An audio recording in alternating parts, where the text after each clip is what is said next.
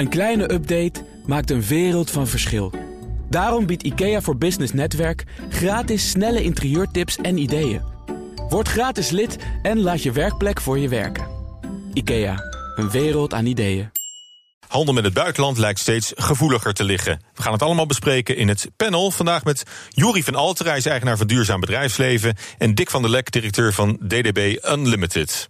En mijn zakenpartner is Lisbeth Gouwens. Zij is directeur en mede-eigenaar van Bytes We Love. Nou, hartelijk uh, welkom. Uh, we beginnen met eigen nieuws. Uh, Dick, je wilt het hebben over de Gouden Lookie?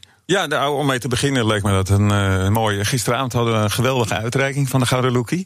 De laatste jaren was het een beetje schraal, schrale toestand. Want het was geen televisieshow meer. En uh, uh, we mochten geen belastinggeld meer daaraan uitgeven. Dus de, de ster moest daar zwaar op bezuinigen. En dat heeft de glans van de prijs geen goed gedaan. Maar dat hebben ze gisteren behoorlijk goed gemaakt. Is wat opgepoetst? Een beetje opgepoetst. En er was zowaar een. hadden we nu. Normaal gesproken altijd is het alleen maar goud. Nu was het ook brons en zilver. Dus het uh, brons ging Dus het is, het is, alleen maar uitgebreid? Het is uitgebreid, ja. Het is wel een beetje gek, want uh, brons, een bronzen gouden prijs is toch een beetje... Een bronzen lookie? Ja, een brons, brons gouden lookie. Uh, dus die ging naar Albert Heijn, naar de kerstcommercial van afgelopen december. En de middelste, de zilver, die ging naar Donald Duck. Die hadden ook een emotionele film met een geanimeerd eentje. Hè, de, dat is logisch. Ja. En in de winnaar, die ging naar Freddy, het egeltje van Staatsloterij. Ja, ook een geanimeerd beestje. Ja. Dat doet het altijd goed bij de Lookie. Ja. En, uh, en ja, dus twee dieren en ja, drie keer emotie in, in, in de top drie. Ja. Ja. En, en, en dus een wat, wat grotere show weer dan, dan de afgelopen tijd. Ja. ja. Dat is, waarom, waarom is dat, denk je? Ja, dat is een goede is vraag. Dat, is dat omdat, omdat reclame toch iets, iets van ons cultureel nou, kijk, twee dingen. erfgoed de, Twee dingen. De, het, het was een, een lustrum, was 25 jaar. Uh, dus ook alle gouden lookies van de afgelopen 25 jaar die deden mee. Of die deden niet mee, maar die werden wel vertoond. En we hebben zelf drie keer gewonnen met uh, Centraal Beheer. één keer met de Gouden Gids, met het Haai Aquarium. En één keer met Ali B voor T-Mobile. -hmm. Dus dat is toch 20% van het eind 20. Dat is niet, niet ontevreden. Maar wij zaten niet bij de finalisten dit, uh, dit uh, seizoen. Nee. Ook niet bij de Lode Lookies trouwens. Nee, dat gelukkig is, niet. Uh, maar die, die heeft ook wel een zekere standing inmiddels, die Lode Lookie. Ja, de lo Lode Leeuw noemen ze dat. Uh, Lode Leeuw. En, maar die, ja, die wordt elk jaar ook met veel belangstelling gevolgd. En, maar nee, dit is, dit is aan de positieve kant. Het is een belangrijke reclameprijs, omdat het de enige prijs is die wordt uitgereikt door het grote publiek. Mm. wij reclamemakers worden nog wel eens van beschuldigd dat we elkaar graag prijzen uitreiken. niet helemaal onterecht. en, maar deze is echt van het grote publiek. En daar maak je het uiteindelijk voor. Ja. Als je kijkt qua effectiviteit van die reclames, heb je dan meer aan een gouden lookie of een lode lookie? Uh, nou, dat is grappig dat je het vraagt. Uh, ik denk, uh, ik weet zeker gewoon Gouden Lookie. Maar er zijn ook campagnes die zowel in de Gouden Lookie als de Lode, Lode Leeuw meedoen. dat heeft vaak te maken met de bekende Nederlander die mensen dan niet pruimen of wat dan ook. En er zijn ook. Love it or hate it. Ja, je love it or hate it. En soms zijn er ook adverteerders die er dan een, ja, een grapje van maken. En ook oproepen, het publiek oproepen om op die Lode Leeuw te stemmen. En op die manier wat extra een social media campagne die zomaar ja. uit het niets uh, opkomt. Van, uh, ja, zeker. Ja. Ik had nog een nieuwtje, mag dat? Ja, heel kort dan. Heel hoor. kort. Uh, wij werken voor Vattenfall. En met Vattenfall hebben we het thema fossielvrij in één generatie ontwikkeld. En wat bijzonder is van Vattenfall... we hebben hier ook een expert duurzaam ondernemen mm. in, de, in de studio. Dus ik ben benieuwd wat hij ervan vindt. Maar Vattenfall die beseft zich. Met al die Zweedse kinderen die door de natuur uh, lopen. Onder andere, ja. onder andere. Maar zij beseffen zich dat ze dat niet op een eilandje kunnen oplossen. Ze zeggen fossielvrij na één generatie, dus van baby naar volwassenen. Kunnen ze niet alleen, dat moet je in de keten zien. Want uh, de energie, uh, de CO2 van de energiecentrale is natuurlijk maar een klein stukje van de totale belastingstaart, om het maar zo te zeggen. Uh, dus de grote industrie van cement en van staal, die zijn veel belastender. Dus zij helpen die industrie, de maakindustrie, om die CO2 naar beneden te, te krijgen. Oh, en werken daarmee samen. Adviseren en werken samen met die industrie. En, en, willen daar ook een beetje rugbaarheid aan geven. En, willen rugbaarheid. Daar, daar dus dat is een leuk bruggetje, dankjewel. en, uh, dus wij hebben voor ze bedacht de, het fossielvrije kinderwiegje. Mhm. En die is volledig eh fossielvrij gemaakt. Dat valt nog helemaal niet mee. Daar zijn we ongelooflijk druk mee geweest. Want je krijgt het bijna niet voor elkaar. Maar we hebben het beddengoed hebben we dus eh, eh, laten, met de hand laten weven, zeg maar. We hebben dat met een zeilboot naar de vaste wal laten brengen. We hebben een boom geveld en gezaagd met groene energie. Het logo is van staal wat erop zit. En dat is natuurlijk dan normaal gesproken niet fossielvrij gemaakt. Maar dat hebben we in dit geval met waterstof kunnen maken. Is een enorme tour. En uiteindelijk is het met trein, elektrische auto, ik weet het allemaal niet, is het vanuit Nou, Zweden naar Nederland. lijkt me commercieel nog niet erg rendabel, zo'n eh, zo'n wiegje. Eh, ik, ik, ga, ik ga naar, Een duur naar, naar, Juri, jouw nieuws alsjeblieft. Ja, eh, sowieso wel grappig als je het hebt over de Lode Leeuw. Ik realiseer me nu dat ik genomineerd was... eh, omdat ik in een KPN-commercial heb gespeeld voor de Lode Leeuw. Maar ik heb hem niet gewonnen, dus daar ben ik dan wel weer blij mee. Heeft weinig gescheeld. ja, precies, dat weinig gescheeld. Eh, ja, mijn nieuws van de dag. Eh, ik eh, eh, las dat de gemeente Amsterdam wil vergunningenstelsel gaan invoeren voor Airbnb. Nou, dit is echt het faillissement van de sharing economy. Ik vind dit weer echt typisch eh, hoe je oude economische. Je bedoelt de regelgeving? nou, eigenlijk in de volle breedte zie je dat het. Dit is wel exemplarisch voor wat er gebeurt in die sharing economy. Je ziet dat het steeds op drie dingen, of op. eh, niet op eh, niet drie allemaal eh, misgaat, maar op één van de drie dingen misgaat. Eén, de oprichter of bedenker van het sharing economy concept gaat aan zichzelf denken in plaats van de sharing economy. Dus dan willen ze er te veel geld aan verdienen. Het tweede wat je ziet is dat er oude institutionele partijen gaan nadenken hoe ze het kunnen beheersen. Nou, dat is wat hier in de gemeente Amsterdam gebeurt. Dus dan ga je ja. oude regulering plakken op iets wat niet meer op die manier gereguleerd kan worden. En het derde is dat het dan dus gaat om pleisters plakken en niet om het aanpakken van de bron van het probleem. Want eigenlijk de bron van het probleem is, als je niet woont in een huis, maar je gebruikt het als een soort belegging en je wil er zoveel mogelijk geld mee verdienen, dan mag je het niet voor Airbnb gebruiken. Dat zou eigenlijk de regel moeten zijn. En niet allerlei vergunningen Hmm. waar je dus als je een weekendje weggaat, moet zeggen, nou kan ik het misschien gaan verhuren aan Airbnb of kan ik het ruilen met iemand anders met die een ander huis Ja. heeft wat hij op Airbnb Is, zet. is de doodsteek voor sharing economy niet veel meer dat er eh, commerciële partijen opstaan die het, eh, die het bedrijfsmatig en beroepsmatig gaan, eh, gaan uitoefenen? Nou, maar ik vind, kijk, ik vind altijd, het is, wat ik altijd zo lastig vind in deze discussie, is dat op het moment dat het gaat over bijvoorbeeld een sharing economy, dat men dan zegt, ja, er mag geen cent aan verdiend worden. Ik denk dat Nee, er maar prima aan zeg ik verdiend kan Maar worden. Ik, ik vind, maar ik vind het, het concept dat particulieren die niet, eh, die, die niet eh, 365 dagen per jaar in, in een huis wonen en denken als het leeg staat mag er gerust iemand anders in, dat, dat, dat vind ik wel mooi. Maar ik, ik vind het eigenlijk veel minder leuk dat iemand eh, zeg maar allerlei veiligheidsregels omzeilt die voor hotels en pensions wel gelden en zegt van eh, ik, ik, ik kan wel een paar, eh, Ja. paar, eh, paar kamers in, in, de markt in de lucht houden. Nou, met, maar het is, eh, het is natuurlijk interessant. toeristen. Het is natuurlijk interessant wat hier in Amsterdam gebeurt. Hè? Want aan de ene kant zie je dat er natuurlijk allerlei huisjesmelkjes zijn die zeggen: Nou, ik ga dat lekker via Airbnb Airbnb verhuren voor de volle map. En ik, zet daar, ik ga het niet verhuren aan mensen die in de stad willen wonen. Nee, je bent wel gek. Ja, dus dat is één. Maar ja, daar zou je wat mee moeten als je een sharing economy wil bouwen. En het tweede is, men klaagt natuurlijk over het feit dat er heel veel toeristen zijn.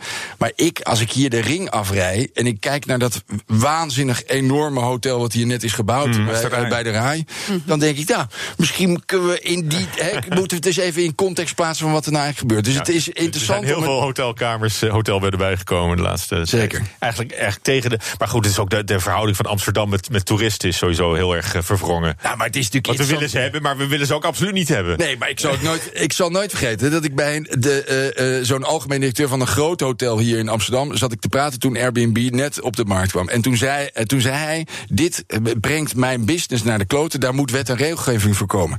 Maar vervolgens, ik denk als je echt naar die sharing economy krijgt, is Amsterdam een hele aantrekkelijke stad voor toeristen. Maar is het ook een aantrekkelijke stad nog steeds voor bewoners? Maar dan moet je het wel goed regelen met elkaar. Ja, nou ja, goed. Dit maar dat was misschien een poging om het te regelen.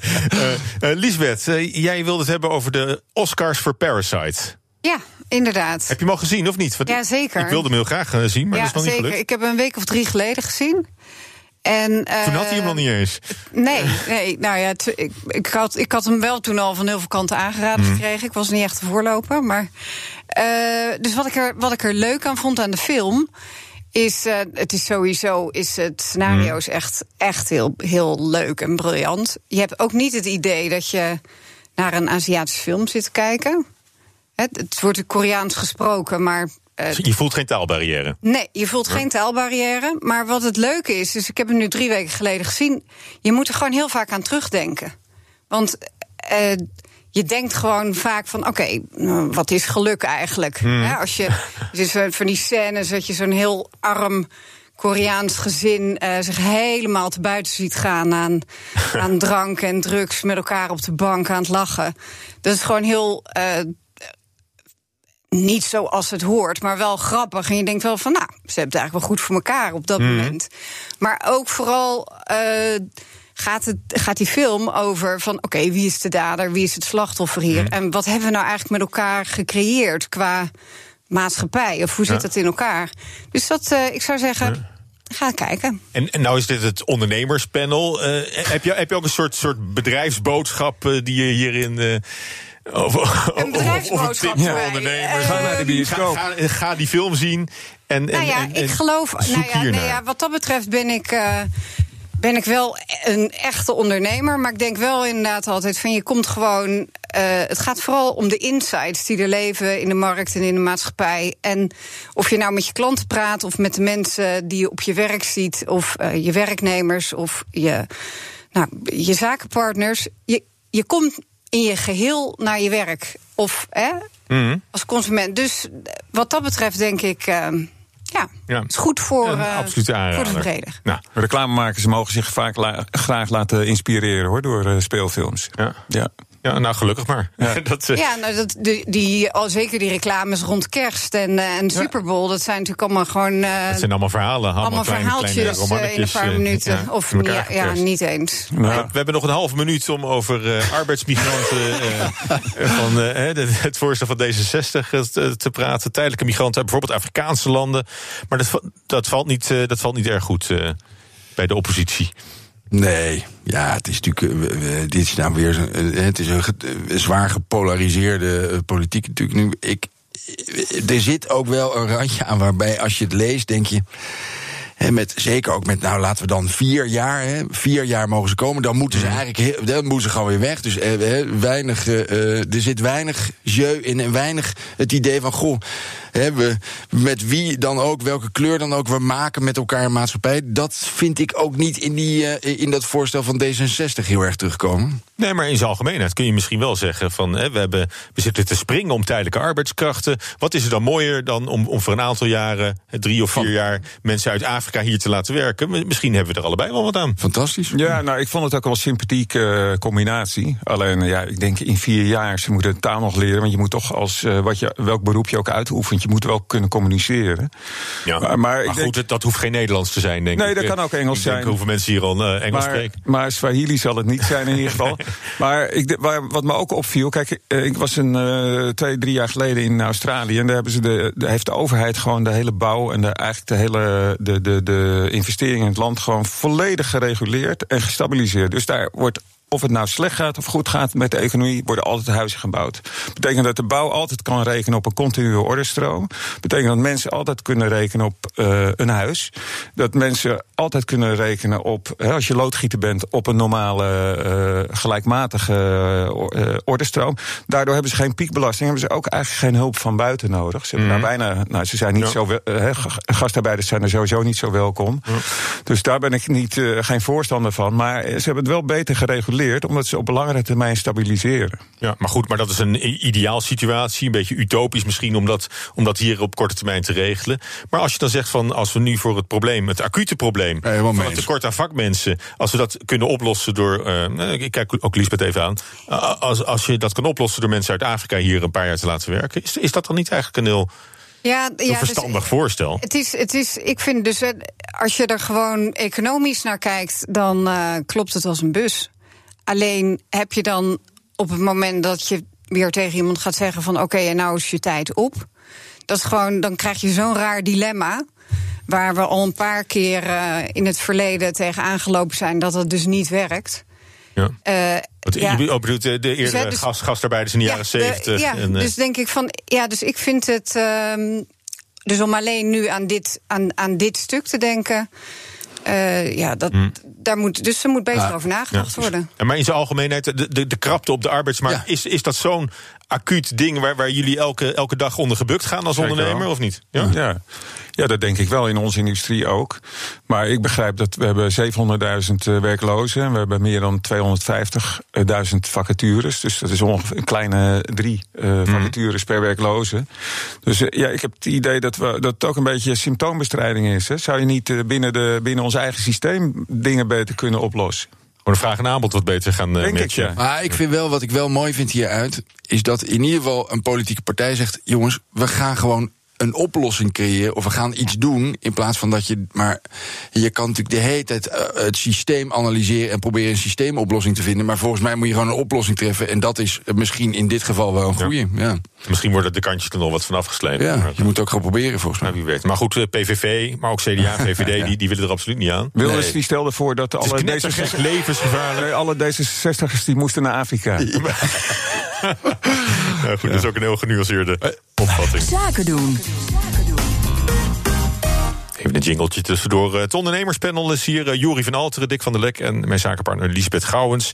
En een ander ondernemersonderwerp dat de politiek beladen is, is uh, CETA. De hele week al veel over, over te doen, wordt druk over gedebatteerd. Volgende week is dan de stemming. Nou, het laatste nieuws is dat minister Kaag de ChristenUnie tegemoet wil komen. In ruil voor steun voor het, voor het verdrag. Ja, handelsverdragen goedkeuren is geen automatisme meer. Is, is dat een goede zaak? Dat we to, toch ook echt beter kijken naar wat we eigenlijk afspreken met de Canadezen voor we daarin stappen? Of, of remt, dit, remt dit ondernemers eigenlijk? Nou, ik denk dat individuele ondernemers die veel zaken doen met Canada, zal het, als het lang duurt, natuurlijk best wel geremd worden in hetgeen wat ze doen. Ik, Ik zie alleen maar dat kaasboeren hier, hier worden. Volgens mij is het nu gewoon uh, al in actie, hè? Dus het, hm. volgens mij is het al zes maanden van kracht. Uh, oh, kijk eens aan. voorwaarden. Ja. Nou ja, wat ik hierbij wel interessant vind, ik vond het mooi. Ik had laatst uh, sprak ik uh, Jeroen Smit, hè, die het mm. boek heeft geschreven over uh, Paul Polman. En hij, ik vond dat hij wel een mooi, mooi punt maakte. Hij zei: eigenlijk zou je de kracht van de Europese Unie eigenlijk veel meer moeten claimen en zometeen handelsakkoorden of samenwerking aan mm. moeten gaan, waarbij je dus ook vanuit bijvoorbeeld duurzaamheid of andere dingen die je belangrijk vindt, eisen zou moeten stellen mm. aan die samenwerking met die andere landen. Ja. ja, ik denk dat het daarom dus best goed is om eens even bij jezelf als Europese Unie te kijken van ja, wat vind ik nou eigenlijk belangrijk? Wat, uh, en hoe moet die relatie zijn? Dat je een keer een, een beslissing moet nemen en gewoon moet gaan. Uh, dat spreekt beetje, voor zich. beetje ouderwets ook, hè? Om, om handel puur op, op, op zijn handelsmerites uh, te beoordelen. Ja, nou ja, precies. En, en als je dan leest, hè, bijvoorbeeld, volgens mij is vleesimport vanuit Canada een hele belangrijke. Ja, als je de kiloknallers hier de hele tijd uh, onder de aandacht brengt en je vervolgens allemaal rommelvlees, Tsjernobylvleesachtig materiaal ja. deze kant op trekt, ja, dat schiet natuurlijk dan ook niet op. Ja, ja, ja. Nou, blijft de EU-wetgeving natuurlijk wel van kracht. Dus hè, ook van de geïmporteerde mm, Volgens mij ook, producten. Je kan het gewoon controleren, toch? Of je kan het certificeren. Ook, dat ook, je zegt van ja. alleen van die en die aanbieders uit Canada ja. betrek ik dan mijn gewassen. Zodat er geen hormonen in het vlees zitten, geen pesticiden in de groenten. Ja. Nou, zijn er, uh, uh, er zijn in het verleden veel Nederlandse boeren bijvoorbeeld naar Canada geëmigreerd. Ik hoor uh, premier Rutte zeggen van eigenlijk zijn we heel erg. er zijn weinig landen zo, die zo op elkaar lijken als Canada en Nederland in een hoop opzichten. Dick, jij, jij, bent in Canada geweest, ja, begrijp ik. is dat nou een land waar ze hele andere, andere standaarden kennen als het gaat om, om handel of inderdaad om, om, om voedselveiligheid en vlees en zo? Ik heb nou, ook de neiging om te zeggen van we zijn wel redelijk, nou, redelijk volgens mij gelijk wordt, gestemd. Ja, volgens mij wordt Nederland en uh, ook Ierland en uh, de Nordics, uh, dus Scandinavië en Canada worden altijd wel een beetje met elkaar vergeleken qua cultuur en hoe je met voeding omgaat en zo. ik heb, ze zijn nog zelfs handel... met, met de wiet zijn ze ons helemaal voorbij ja, gegaan. Ja, zeker. Ja. nee, ik vond het een geweldig land. Alleen ja, op handelsgebied heb ik er onvoldoende hmm. kijk op. Het is wel zo dat in dat soort landen met, die zo uitgestrekt zijn, dat zie je ook in, in Finland waar ik onlangs was en ook in Noorwegen dat ze heel erg zelfvoorzienend zijn. En daardoor heel uh, duidelijke mening hebben over hun voeding. Dus ze hebben dus allemaal van nature mm. al uh, moestuinen en dat soort dingen. En ze nemen niet zomaar alles tot zich. Het zijn in die zin absoluut geen Amerikanen. Nee. Nou, maar goed, en in, in het algemeen, hè, de, dat Nederland hier een soort alleingang kan, kan permitteren en het helemaal kan, ja, kan frustreren voor Europa? Of, of moeten we echt juist met, met internationale handelsverdragen, moeten we als één Europa optrekken daarin? Ja, dus, dat, dus dat stukje vind ik een beetje jammer. Dus, hè, dus nu heb je de Tweede Kamer. En dan gaat links en rechts uh, allemaal uh, protesteren ja. of eventjes politieke kunstjes uh, politiek, doen. politiek bedrijven.